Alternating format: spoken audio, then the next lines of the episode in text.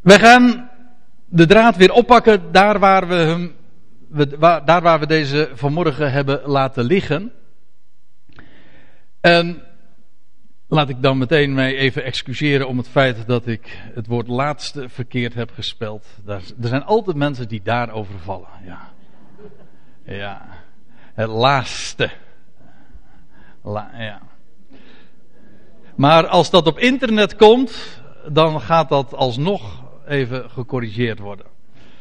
Er zijn mensen die zo nauwkeurig luisteren en kijken, nee, vooral kijken en zien dat dit niet klopt.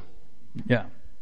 Het laatste wereldrijk en de islam. En ik ben dus misschien wel even goed om dat meteen ter sprake te brengen. En, want ik ben daarover aangesproken gedurende de lunch. En er was iemand die zei tegen mij, hij zei van, ik heb het tot dusver nog helemaal niets gehoord over de rol van het Romeinse Rijk. Nou heb ik er vanmorgen wel al even wat over, eh, iets over gezegd, over dat Romeinse Rijk. En wat ik erover wil zeggen is dit, dat je dat feitelijk niet mag meerekenen in die rijken waar we het vanmorgen over hadden. Waarom? Omdat het Romeinse Rijk weliswaar een machtig wereldrijk is geweest, maar niet het laatste moet ik er ook bij zeggen. Maar in elk geval dan toch een, geen koninkrijk is geweest, geen wereldrijk is geweest dat Babel als hoofdstad heeft gehad. En de rijken die we in Daniel 2 zien, dat zijn allemaal koninkrijken, de eerste drie, maar de laatste dus net zo. Waar Babel of Babylon de hoofdstad van is. Zodat het Romeinse Rijk, weet ik veel welke rol ook mag spelen.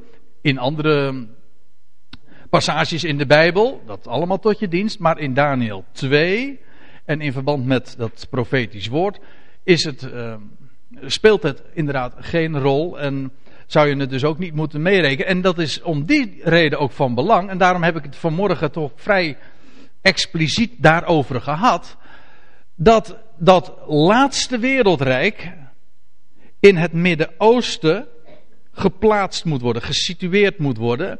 Niet in Europa. Want het probleem is dat op het moment dat je in Europa zeg maar gaat kijken en daarna gaat zoeken en in de EEG bijvoorbeeld dat laatste wereldrijk ziet, dat inmiddels al ver over de tien lidstaten heen is, maar goed, dat, dat maakt dan voor de rest ook niet uit. Maar dan kijk je gewoon verkeerd, in de verkeerde richting. Je moet niet naar Europa kijken, maar naar het Midden-Oosten. Daar zullen die tien staten gevonden worden. En ook dat laatste wereldrijk heeft Babel in het Midden-Oosten als hoofdstad. Dat was eigenlijk het punt wat ik vanmorgen wilde maken. En waarom dat van belang is, dat is niet zo moeilijk. Omdat als we eenmaal weten waar dat laatste wereldrijk zich zal bevinden, dan begrijpen we ook en, en als ik u vanmorgen, en ik heb dat vanmorgen hopelijk in elk geval duidelijk genoeg gemaakt, dat het inderdaad in het Midden-Oosten geplaatst moet worden. Wel, dan begrijpen we ook waarom de islam daar wel een rol in moet spelen. Dat, al laat ik het voorzichtiger zeggen. Dat ligt dan zo voor de hand. Want in het Midden-Oosten is inderdaad een, een gebied waar de islam als godsdienst gezetteld is en zo een grote rol speelt. Maar wat ik u vanmorgen of vanmiddag wil laten zien, is dat de islam ook precies aan, de, aan het profiel beantwoordt wat de Bijbel daarvan schetst. En ik heb iets daarover vanmorgen al verteld. Het moet gezocht worden in het, in, in het Midden-Oosten. Dat is één ding dat laatste wereldrijk. Bovendien wordt het gekarakteriseerd door een intense haat tegen de Joodse staat. Wel, in dat kader wil ik vanmorgen, of vanmiddag, ja, ik ben niet zo gewend om in de middag uh, studies en spreekbeurten te geven, dus vandaar de verspreking.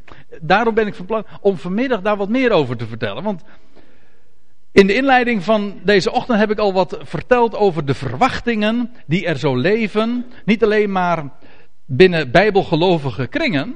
Hè, dat wat we op basis van de profetie mogen verwachten.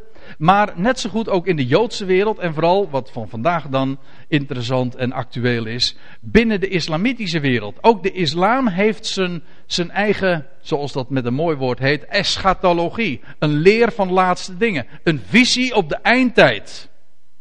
En meer dan ooit tevoren speelt dat een actuele rol en heeft dat ook alles zelfs te maken met een hele met de fundamentalisering, zoals dat ook met een, een ander moeilijk woord heet, hè, de, de fundamentalisering van de islam. Een hele herleving hebben we, maken we de laatste decennia mee van de islam. En is het weer een hele vitale godsdienst die zich, die zich weer zo strijdvaardig opstelt. Niet waar? Nou, daar hoef ik verder niks over te vertellen. De actualiteit spreekt boekdelen. Elke dag weer opnieuw. En dat heeft alles te maken met de, de prominente rol van de islam. Dat is aan de ene kant. Maar waarom dat zo is? Wel, dat heeft ook te maken met het feit dat in de islam ook een, een sterke eindtijdverwachting is. Juist in onze tijd. En wat de islam verwacht is de komst van Al-Mahdi. En dat betekent de gids. Zeg maar een messias figuur ik zeg het een beetje in onze terminologie, want het is niet helemaal correct. Maar iemand die verwacht wordt, die aan het einde der tijden zou komen. En die een enorme grote rol in het wereldgebeuren gaat, gaat spelen. De, de leider van dat laatste wereld. De, van, van Almadi, de gids. En ja, daarvan, daar, over, de, over daar wordt in de Koran op zich niets of nauwelijks iets over gezegd. Maar hij wordt wel beschreven, uitgebreid in allerlei hadith. Nou ben ik geen expert op het gebied van de islam, verre van dat zelfs. Maar goed, de, de informatie ligt tegenwoordig voor het oprapen. Dat is nou weer een van de grote voordelen van, vind ik, van, van de informatietijd van het informatietijdperk waar we momenteel in leven. Want als je geïnformeerd wil worden over de islam, maar dan niet alleen maar over wat men over de islam zegt, maar ook wat men binnen de islamitische wereld zelf zegt. En dat, uh, je hoeft tegenwoordig maar te googlen en dan kom je op allerlei moslim- en islamitische sites terecht. En daar kun je al die dingen gewoon zo vinden. Een hadith, dat zijn, dat zijn de islamitische overleveringen. Er zijn vele overleveringen van verschillende niveaus. Uh, en ik moet er ook bij zeggen. Uh, die hadith, dat wil zeggen de overleveringen over dat wat Mohammed, naast dat wat we in de Koran vinden, maar dat wat Mohammed gezegd en gedaan heeft. En daar zijn nogal verschillende soorten ook weer van, want je hebt in de moslimwereld, eventjes een korte intro daarin, maar dat zal, ja, dat wordt heel dikwijls natuurlijk ook uitgelegd. Zoals je in het christendom de twee grote vertakkingen hebt van het, het rooms-katholicisme en het protestantisme. Wat niet erg compleet is trouwens. want je hebt ook nog de Grieks-orthodoxe richting. Maar binnen de islamwereld heb je twee grote vertakkingen. En dat zijn, dat zijn de, de Soenitische tak en de Shiïtische tak. En juist binnen de Shiïtische wereld leeft die verwachting van Al-Mahdi. Ook in de Soenitische wereld, maar in, binnen de Shiïtische wereld heeft men een nog veel explicietere kijk op, op wie hij is. En wat voor figuur hij zal zijn en welke rol hij zal spelen. En het hoeft dan ook niet te verbazen dat het juist ook eh, een land is als Iran, waar juist deze verwachting zo sterk leeft. Nogmaals, binnen de hele islamwereld, uh, met alle varianten die er ook mogen zijn, leeft de verwachting van Al-Mahdi. Mahdi die gaat komen, de, de, de, de gids die, die de wereld zeg maar in zal leiden in een wereld van vrede en gerechtigheid. Maar dat moet u dan in islamitische termen uh, opvatten natuurlijk. Dat wil zeggen, die de wereld eigenlijk onder de heerschappij zal brengen ook van de islam. Maar uh, een land als Iran, Perzië, dat is een Shiïtisch land uh, overwegend. En het is uh, de president, waarvan ik de naam altijd nog erg moeilijk vind om uit te spreken. Ahmadinejad. Huh? Toch? Ahmadinejad, ja. Nou, in ieder geval de president dus van Perzië, van, van Iran. En die, heeft, uh, die maakt er ook geen geheim van. Die ziet zichzelf ook echt een, een Johannes de Doper-rol toebedeeld. Een, uh, iemand, de, de wegbereider van, van Madi, van Al-Madi. Al-Madi, dat is dan de, de Madi, de gids. En hij, hij maakt daar absoluut geen geheim van.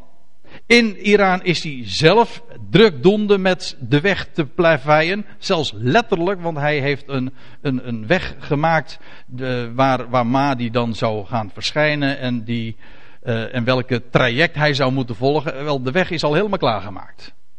Maar wat hij ook doet in het wereldgebeuren, laat hij ook daarin van zich horen. En nou, er is natuurlijk over Iran heel veel te doen. En uh, het wordt gevreesd dat het een, een, een, nucleaire mogendheid wordt. En wat, hoe dat gaat aflopen. En of we binnen afzienbare tijd wellicht nog uh, groot spektakel daarin mogen verwachten. Misschien van Israël. Who knows? Hè? Of zal ik zeggen, God only knows. Hoe dat ook zij. Uh, deze, deze man, deze president, die heeft voor de Verenigde Naties al tot twee keer toe heel uitdrukkelijk verteld wat hem voor ogen staat. En wat zijn grote missie is. En daarin krijgt hij ook inderdaad de handen voor op elkaar. En binnen de islamitische wereld wordt dat, uh, krijgt dat weerklank. Bij alle verdeeldheid die er ook is en de verschillende varianten die er mogen zijn. Die Mahdi gaat komen. Dat is zo'n ding, dat is iets wat zeker is. En ook de hele, de, de wereldsituatie in onze dagen, in islamitisch perspectief, leent zich er ook voor en is daar ook klaar voor gemaakt. En het feit dat er weer een Joodse staat is, betekent voor de moslim al heel, heel veel en meer dan genoeg, namelijk dat het eind der tijden aanstaande is. Voor een moslim is dat net zo'n teken aan de wand als voor u en mij. Ik ga er nu even vanuit dat u net zo'n bijbelgelovig iemand bent als ik. Ja, wat doet u hier anders? Ja, we stellen wel belang in dat wat er staat geschreven. Maar ook voor de, voor, voor de moslim is dit een, met recht een teken aan de wand. Een, een buitengewoon belangwekkend gebeuren en, en dat, uh, dat vraagt ook om actie. Deze president die heeft uh, in, uh, in 2005 heeft hij een, een hele lange toespraak gehouden uh, voor de Verenigde Naties in New York. En vorig jaar heeft hij het nog een keertje in september dunnetjes overgedaan. En toen heeft hij onder andere dit ook gezegd. De wederkomst van Isa, dat heeft niks te maken met een heel mooi bijbelprogramma. Isa is de naam van Jezus in het Arabisch, Isa.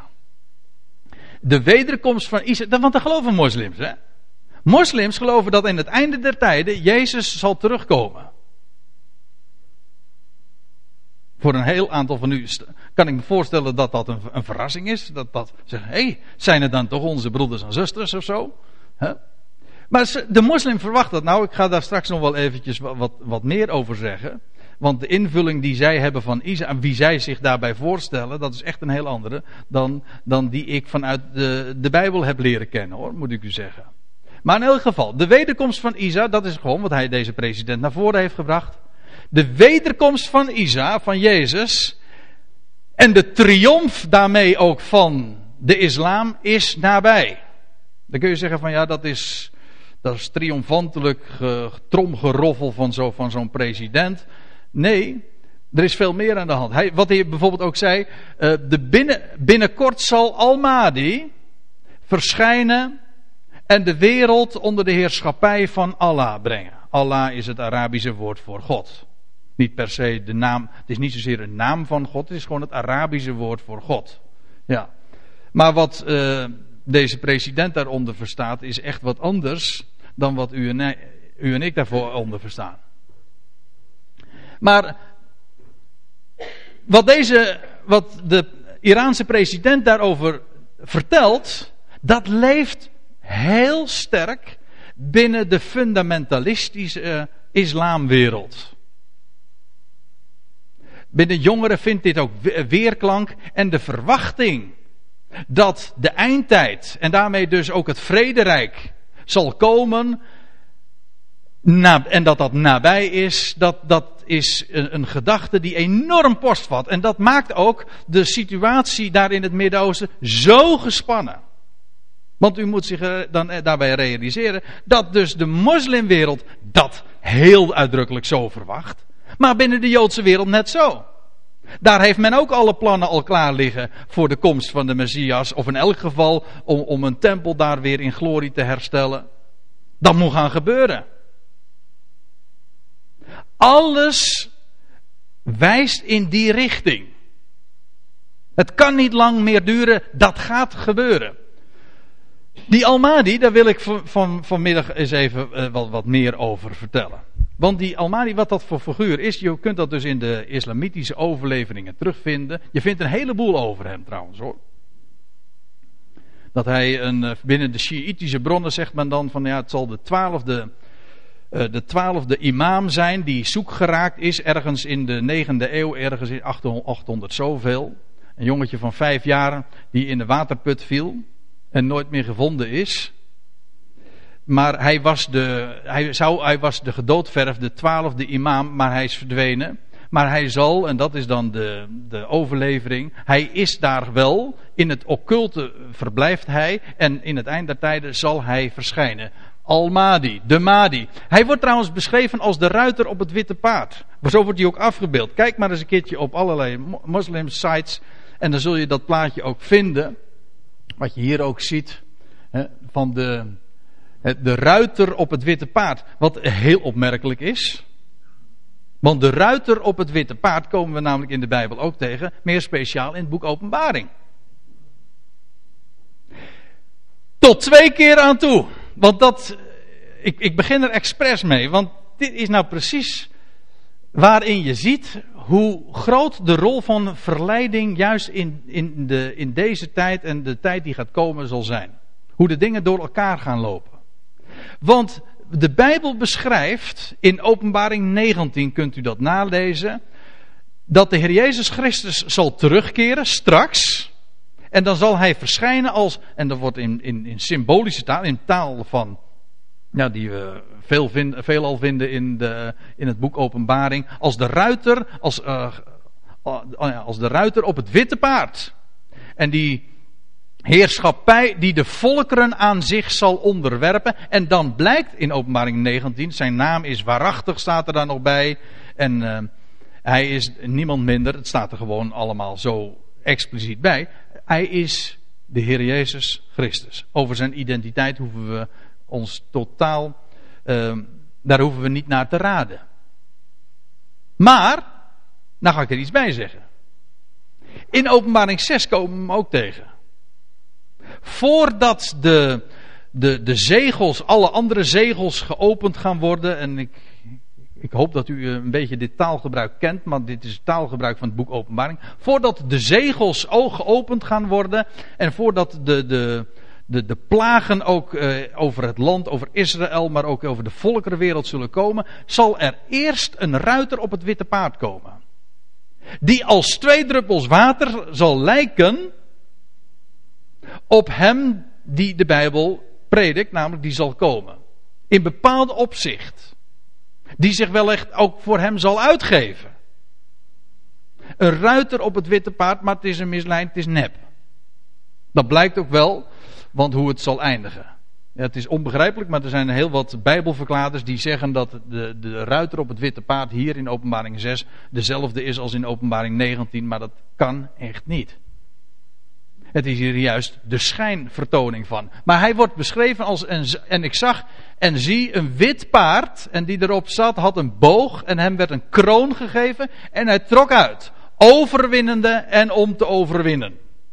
Dat wil zeggen, het, het is één grote triomftocht die hij zal maken.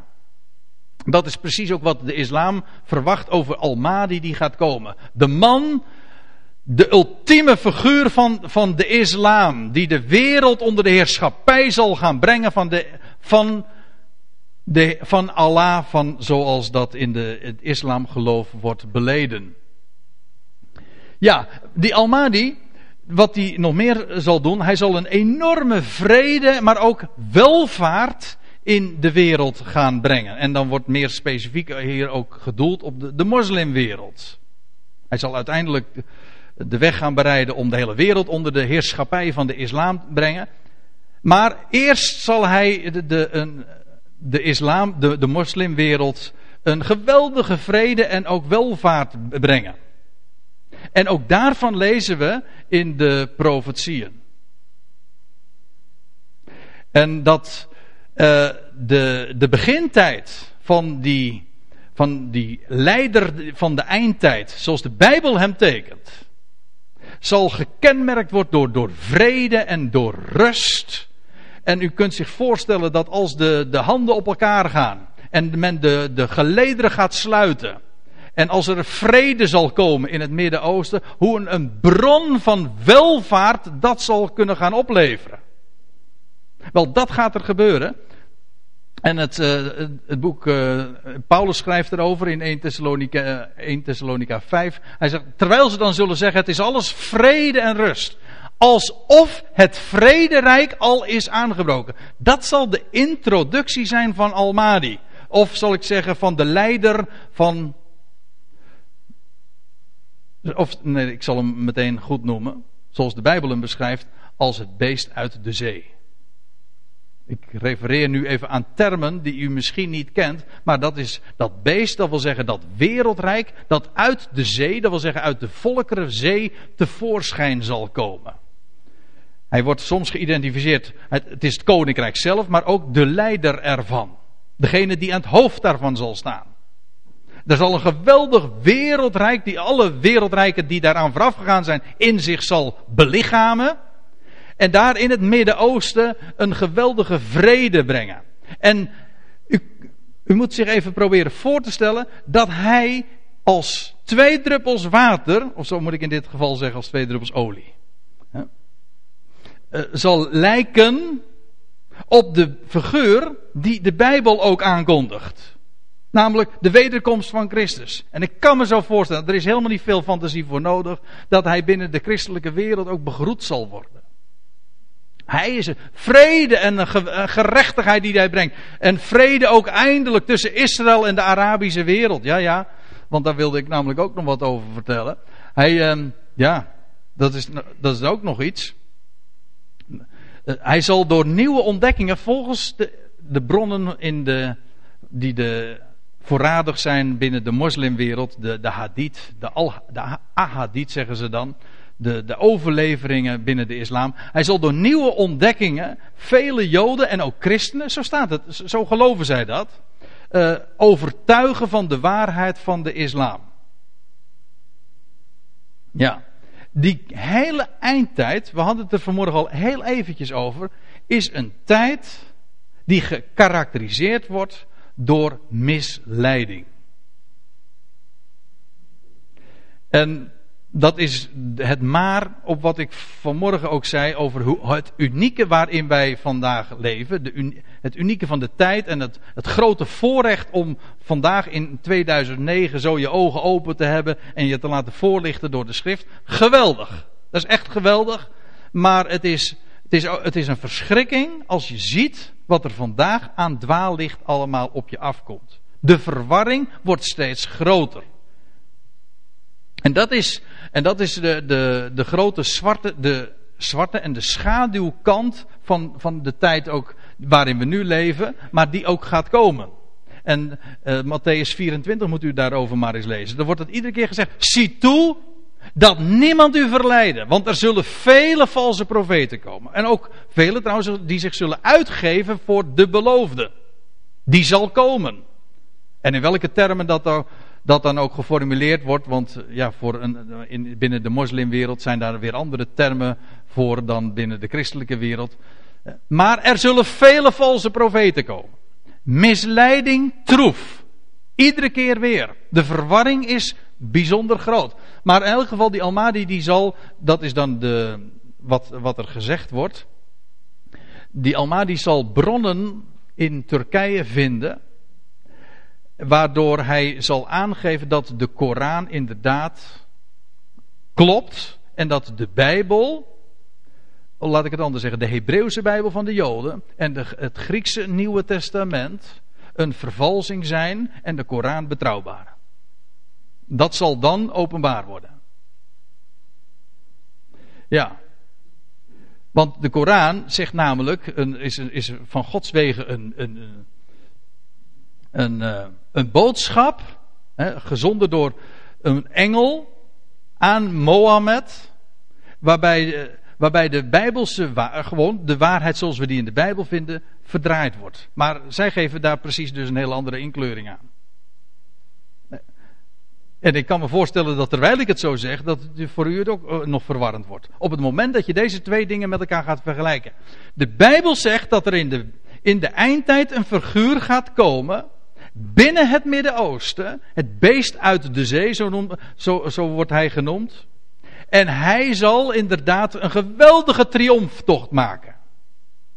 En ook een geweldige vrede en gerustheid brengen. Maar ook wat een enorme misleiding zal betekenen, want men zal hem aanzien voor de beloofde Messias. Nou, dat is, houd dat even vast.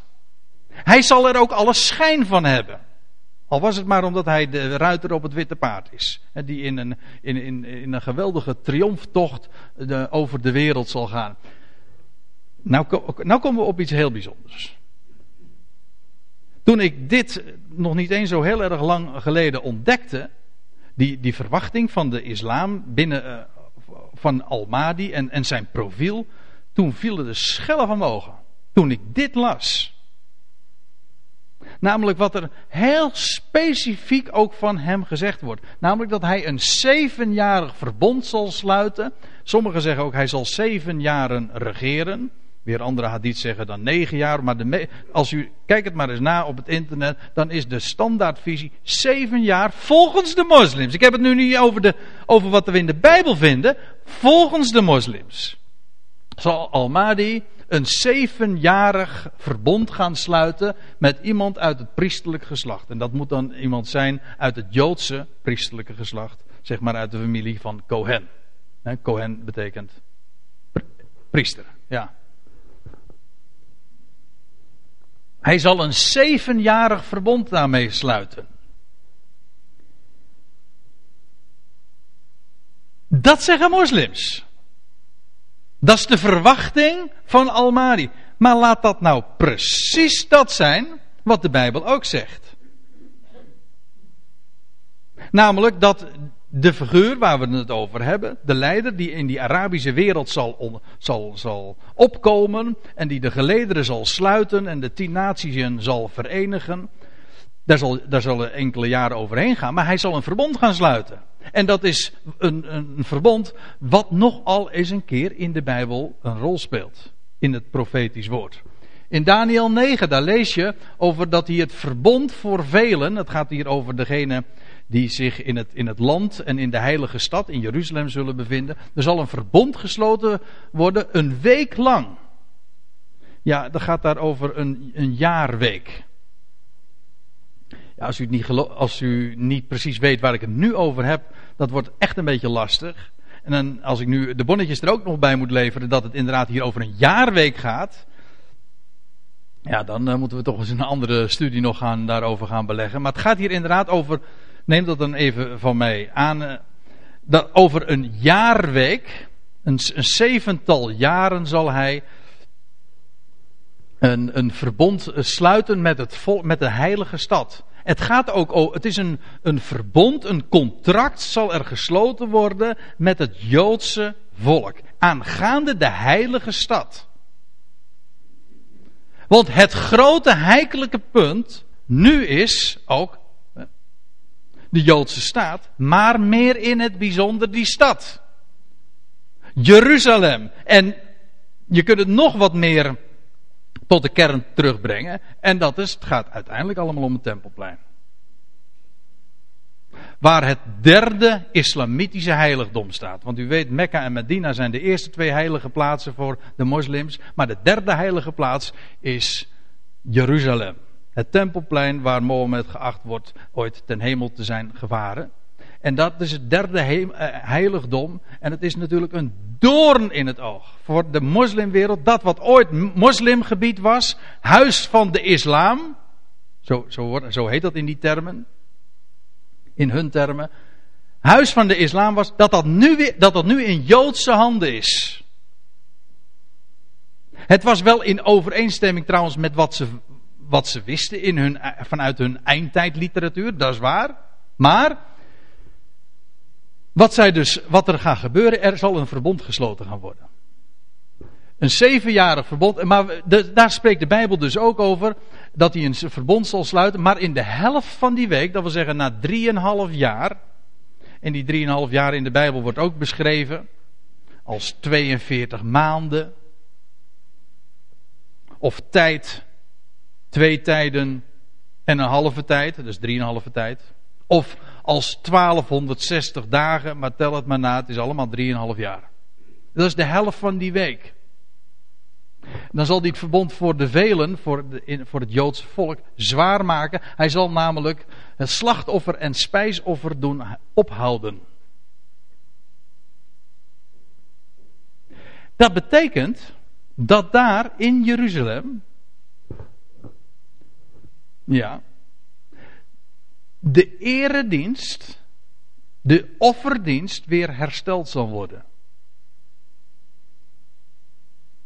Daar, u, kunt zich voorstellen dat daar nog echt wel wat voor wat moet gebeuren.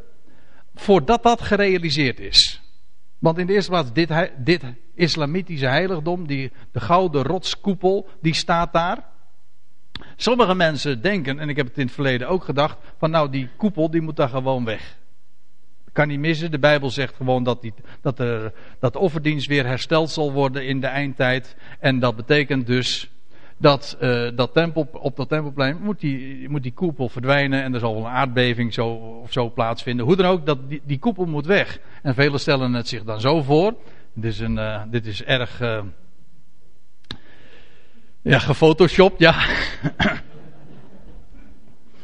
de wens is de vader bij sommigen van de gedachten. Die denken dan van nou, dan gaat dat, dat islamitisch heiligdom, die gouden rotskoepel gaat verdwijnen. En dan zal en de, de, de tempel, de Joodse tempel, zal in, in glorie gaan verschijnen. Maar het is nog maar zeer de vraag of dat inderdaad zo is. Dat is, dat is trouwens een boeiend onderwerp hoor, over het herstel van de, van de tempel in, in verband met de eindtijd. Want je leest, je leest in openbaring 11 dat een deel van het tempelplein, de voorhof die is aan de heidenen gegeven. Het kan heel goed zo zijn dat dit, dat dit gewoon blijft staan en dat er naast, waarschijnlijk aan deze kant, maar dat is nog weer een verhaal apart, een, de eredienst, de Joodse offerdienst, misschien provisorisch weer uh, hersteld zal worden. Dat is een ding wat zeker is. De Joodse eredienst gaat hersteld worden. Dat is precies ook waar Joden naar uitkijken. dat ze, dat ze hun, hun plichten weer kunnen vervullen en dat, dat de rituelen die God had gegeven in de wet van Mozes, dat die allemaal weer gerealiseerd kunnen worden. Joden kijken naar uit, de tempel ligt al helemaal klaar, daar mankeert het niet aan. In, in, een paar weken tijd, echt waar, in een paar weken tijd, hooguit in twee maanden, kan dat allemaal zo zijn beslag krijgen. Het hele verhaal is, daar moet ook een overeenkomst zijn de, binnen, als dat nu zo zou gebeuren, dan, dan zou de wereld te klein zijn. want dat Midden-Oosten, dat is u natuurlijk niet ontgaan, dat is, een, dat is gewoon een kruidvat. En zo, en als de vlam in de pan is, dan, is, dan, dan explodeert daar de hele boel. Maar er gaat een regeling komen. Een vredesregeling, een verbond gesloten gaat er worden tussen het wereldrijk. tussen de, het Arabische wereldrijk wat gaat komen Enerzijds en aan de andere kant de natie Israël, die weer haar slachtoffers en offers zal mogen gaan brengen. Maar het zal, dat verbond zal gesloten gaan worden met hen. Dat zal natuurlijk eh, enthousiast begroet worden, maar het zal maar 3,5 jaar stand houden. Want in de helft van die week, daar hadden we het over, dat lazen we, in de helft van die week zal de leider, het beest uit de zee, zijn masker afwerpen en dan zal die slachtoffer en spijzen doen ophouden. Uh, slachtoffer en spijzen doen ophouden. En als u het nog even verder leest in Daniel 9, een gruwel van verwoesting, dat wil zeggen een afgodsbeeld zal hij in de tempel plaatsen. Dat is trouwens ook een herhaling in van de geschiedenis, want dat is al eerder gebeurd. Er zal een afgodsbeeld geplaatst worden op het tempelplein en dan zal ook de grote verdrukking plaatsvinden. Als, als gij de gruwel van de verwoesting ziet staan, zegt de Heer Jezus in Matthäus 24. Als gij de gruwel van de verwoesting, dat afgodsbeeld, in je, op de heilige plaats ziet staan, en dan zegt Jezus er nog bij, wie het leest, geven er acht op, in Daniel. Laten dan wie in de Judea zijn vluchten naar de bergen. Dat wil zeggen wegtrekken naar de woestijn. Ik zeg erbij gewoon naar de stad Petra vertrekken. Maken dat je wegkomt. Als je je jas nog hebt binnen liggen, ga niet terug om hem te halen. Maak dat je wegkomt. Ga naar de woestijn. Want daar is een, een, een rust, een, een veilige plek waar je inderdaad een onderkomen kunt vinden. Hoe dat ook zij. In die helft van de week zal er een grote verdrukking uh, gaan beginnen. En dan zal, uh, dan zal het beest uit de zee zich ook als een tiran gaan, gaan manifesteren. Maar ook dat weet men in de islamitische eindtijdverwachting. Dat is zo eigenaardig. Ja, de, de eigenaardigheden stapelen zich op. Kijk, ik heb vanmorgen iets verteld over het Bijbels raamwerk. Wat we gewoon op grond van de Bijbel mogen verwachten, dat er in de eindtijd, vlak voor de terugkeer van de Heer Jezus Christus, in het Midden-Oosten, rondom de stad Babel, een, een, een, een rijk van tien landen zal, zal herrijzen en, en, en, een verbond zal gaan sluiten en zich het gemunt zal hebben op, op, op, het, op dat Joodse landje. Op, dat, ja, op het land van Israël op, en op het Joodse volk. Dat is waar. Maar wat ik u vanmiddag laat zien, is dat de verwachting binnen de islam daar helemaal aan beantwoordt. Zij verwachten dat namelijk ook. Met dat verschil dat de Bijbel zegt het is beest uit de zee en zij zeggen het is Almadi. Het is de grote heilbrenger. Maar u begrijpt wel dat hij dan, als hij zal komen, enthousiast begroet gaat worden. Want dat is precies degene waar zij eeuwen op hebben gewacht. En waar van vader op zoon over verteld is. Als straks Mahdi komt, Al-Mahdi, dan is hij degene die de wereld onder de heerschappij van, van, van de islam, van, Al, van Allah zal gaan brengen. Goed. Maar wat ze dus ook verwachten, dat is dat hij een verbond gaat sluiten van zeven jaar. Sluit naadloos aan bij de Bijbelse profetie.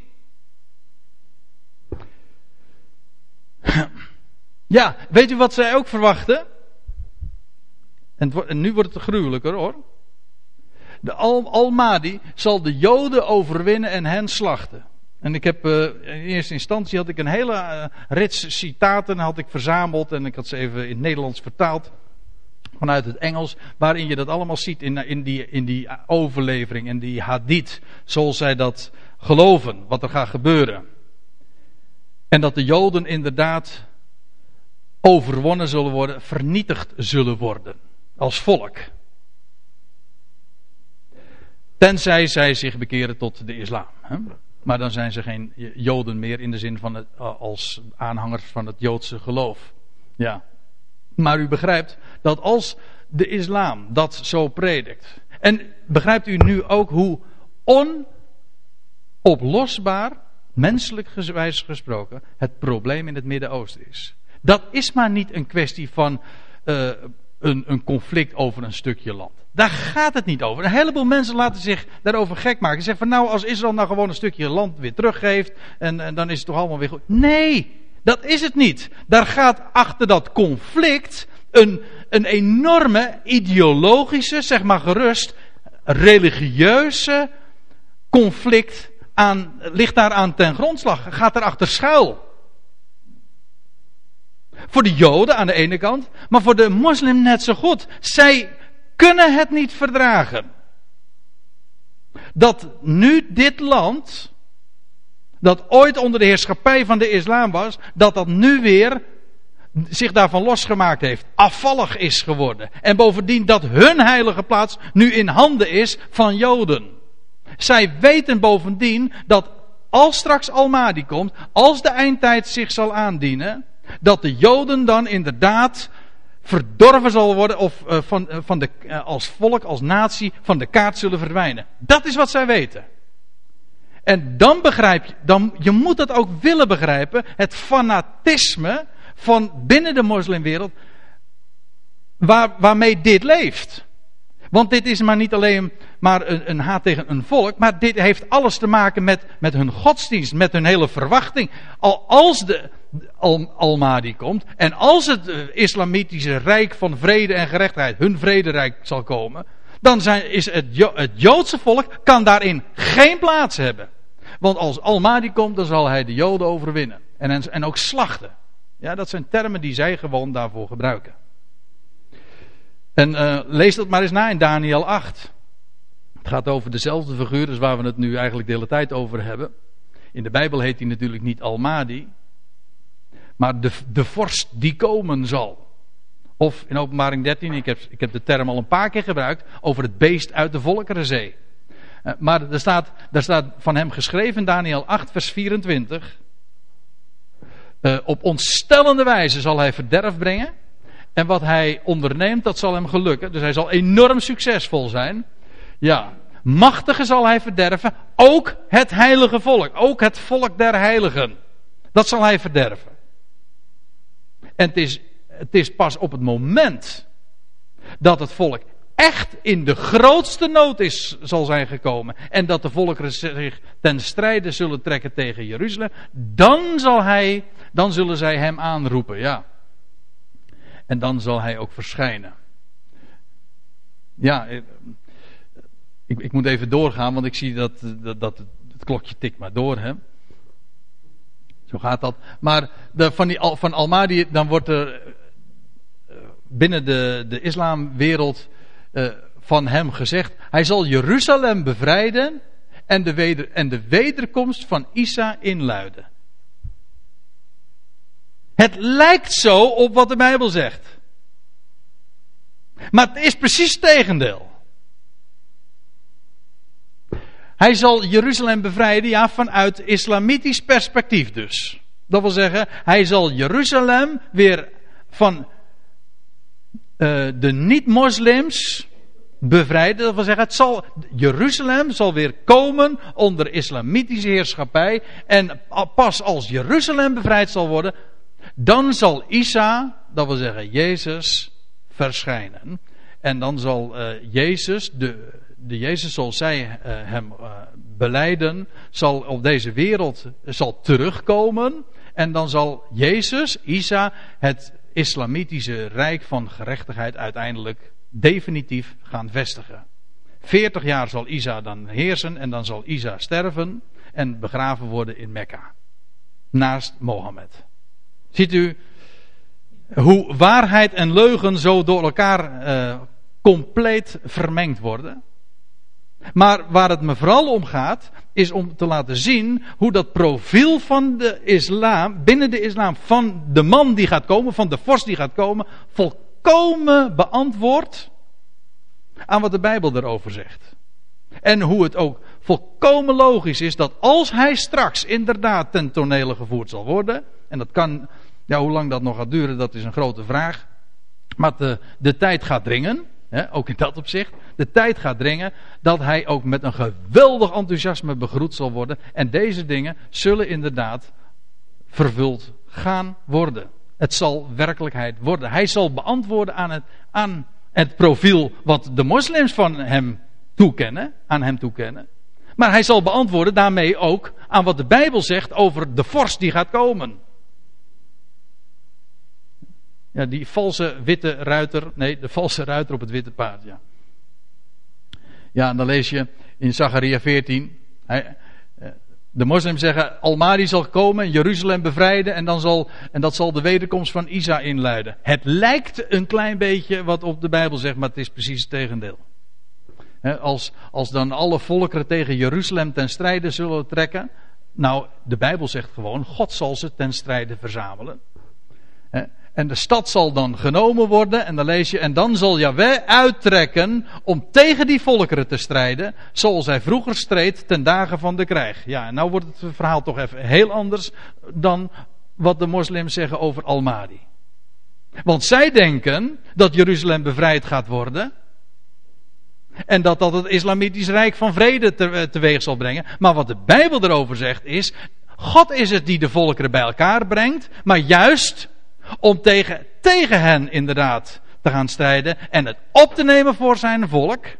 Zoals we dat vanmorgen ook al gezien hebben in Psalm 83. En tegen die volken te strijden, zoals hij vroeger ook al streed. Ten dagen van de krijg.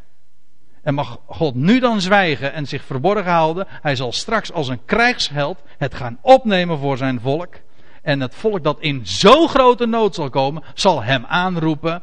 En dan zal hij ook verschijnen. En dan lees je in datzelfde Zacharia 14, zijn voeten zullen te dienstdagen staan op de olijfberg, die voor Jeruzalem ligt aan de oostzijde. En dan zal de olijfberg midden doorsplijten.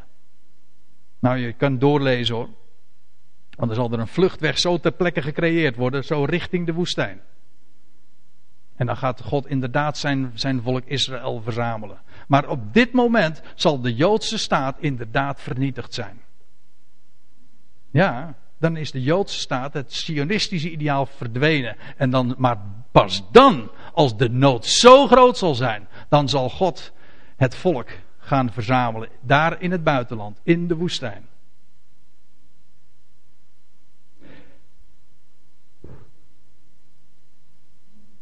Goed. Ik wil nog even een paar uh, afsluitende dingen zeggen over, uh, over deze dingen. Want als we het zojuist hadden over, over Isa, hè, over Jezus, voor in de, binnen de, in de perceptie van de, eh, van de islam. Weet u wie hij is? De, zij, moslims spreken met de grootste met de grootste achting over de naam van Jezus, over Isa in het Arabisch. Zeg niet dat zij niet geloven in Jezus, want een moslim zal bijzonder boos op je worden.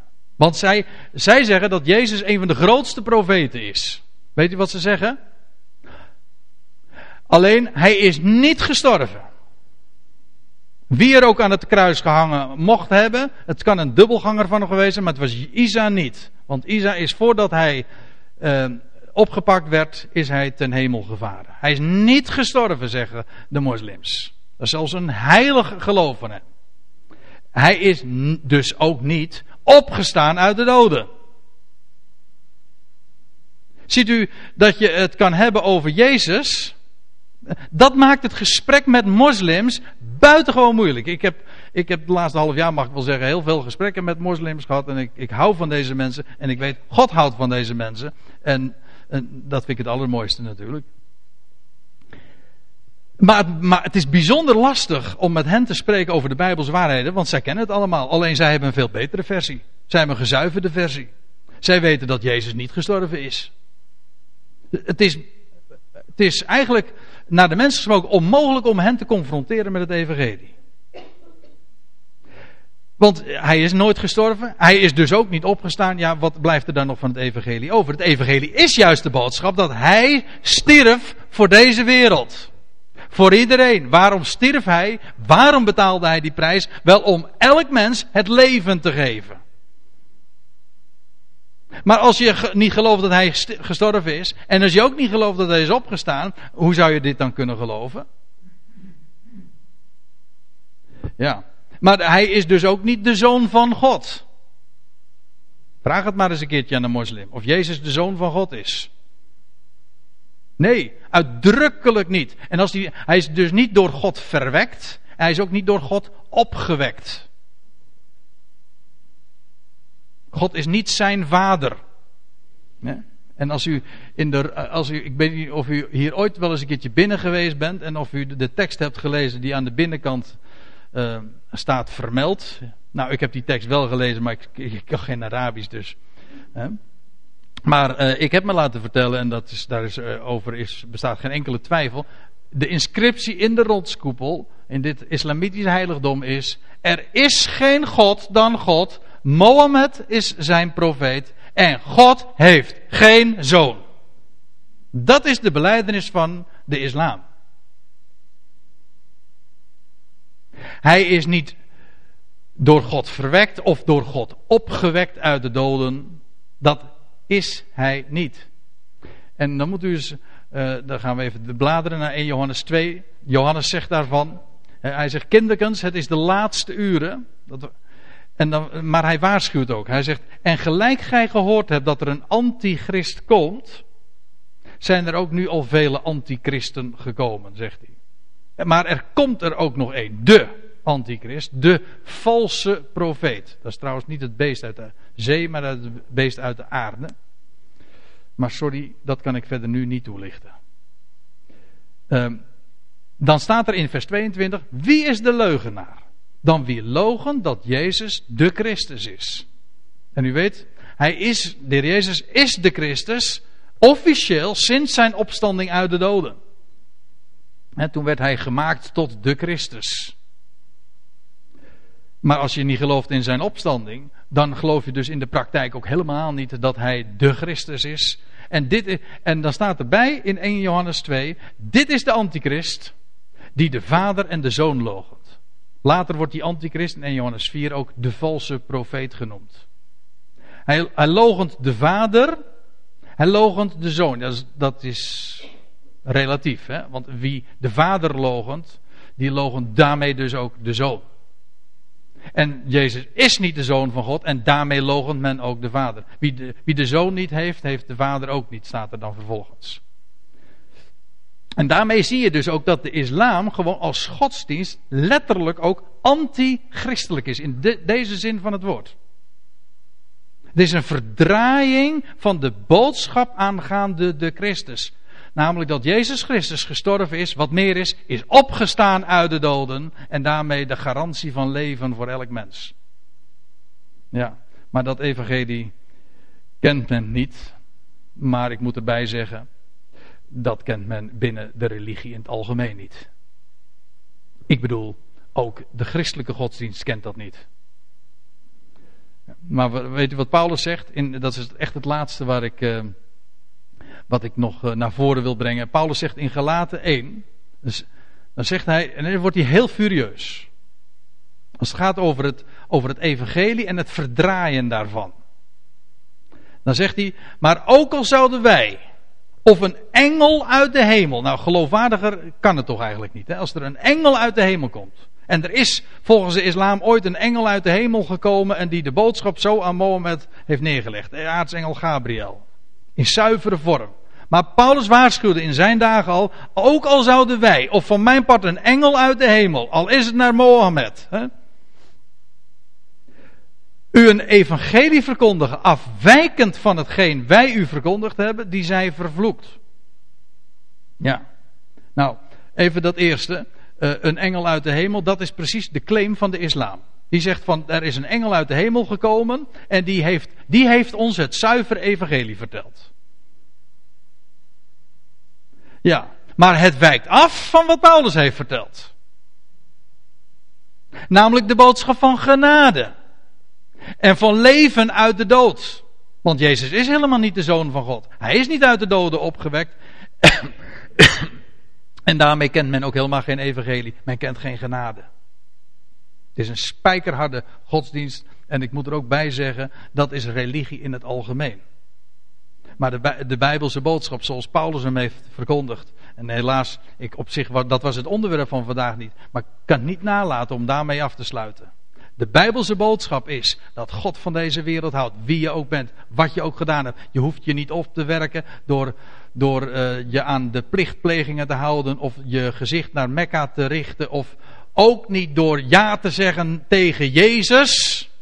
He, dus alle, door onze keuze of door je te laten dopen. Het is niet onze keuze, het is Gods werk. God zegt, ik ben de redder van de hele mensheid. Dat is het evangelie. En door mijn zoon uit de doden op te wekken, geef ik het leven wat hij in het licht bracht, uiteindelijk aan elk een. Kijk, dat is het evangelie. Als je dat afwijst, heb je geen zegen. En daarom zegt Paulus ook, en ieder die iets anders verkondigt, die, die zij vervloekt. Maar weet u wat vervloekt betekent? Dat wordt vaak niet begrepen. Kijk, donker wil gewoon zeggen dat er geen licht is. Vloek wil zeggen, er is geen zegen in gelegen.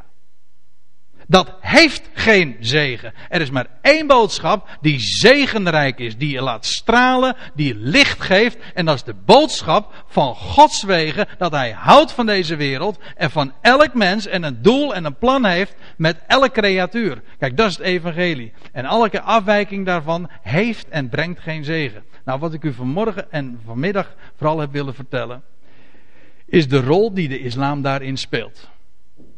En dat we inderdaad in hele bijzondere tijden gaan leven. En dat we mogen verwachten dat er straks in het Midden-Oosten, nou dat hebt u wel begrepen, in het Midden-Oosten een rijk gaat komen. En vreemd genoeg, maar ook opmerkelijk genoeg, zal hij helemaal beantwoorden aan de verwachtingen, in eerste instantie, die de islam ook van hem had. En dat is wat ik vanmorgen en vanmiddag zo graag eens in uw midden neer wilde leggen. Ik, voor mijzelf waren dat enorme eye-openers. Dat het allemaal in het Midden-Oosten zal plaatsvinden, ja ja. Maar ook hoe de islam daarin zo'n prominente rol zal gaan spelen. Ik stel voor dat we het, wat dit onderwerp even, wat dit onderwerp betreft, hierbij zullen laten. En ik wil aan André vragen of hij nog naar voren wil komen om een laatste lied met elkaar te zingen.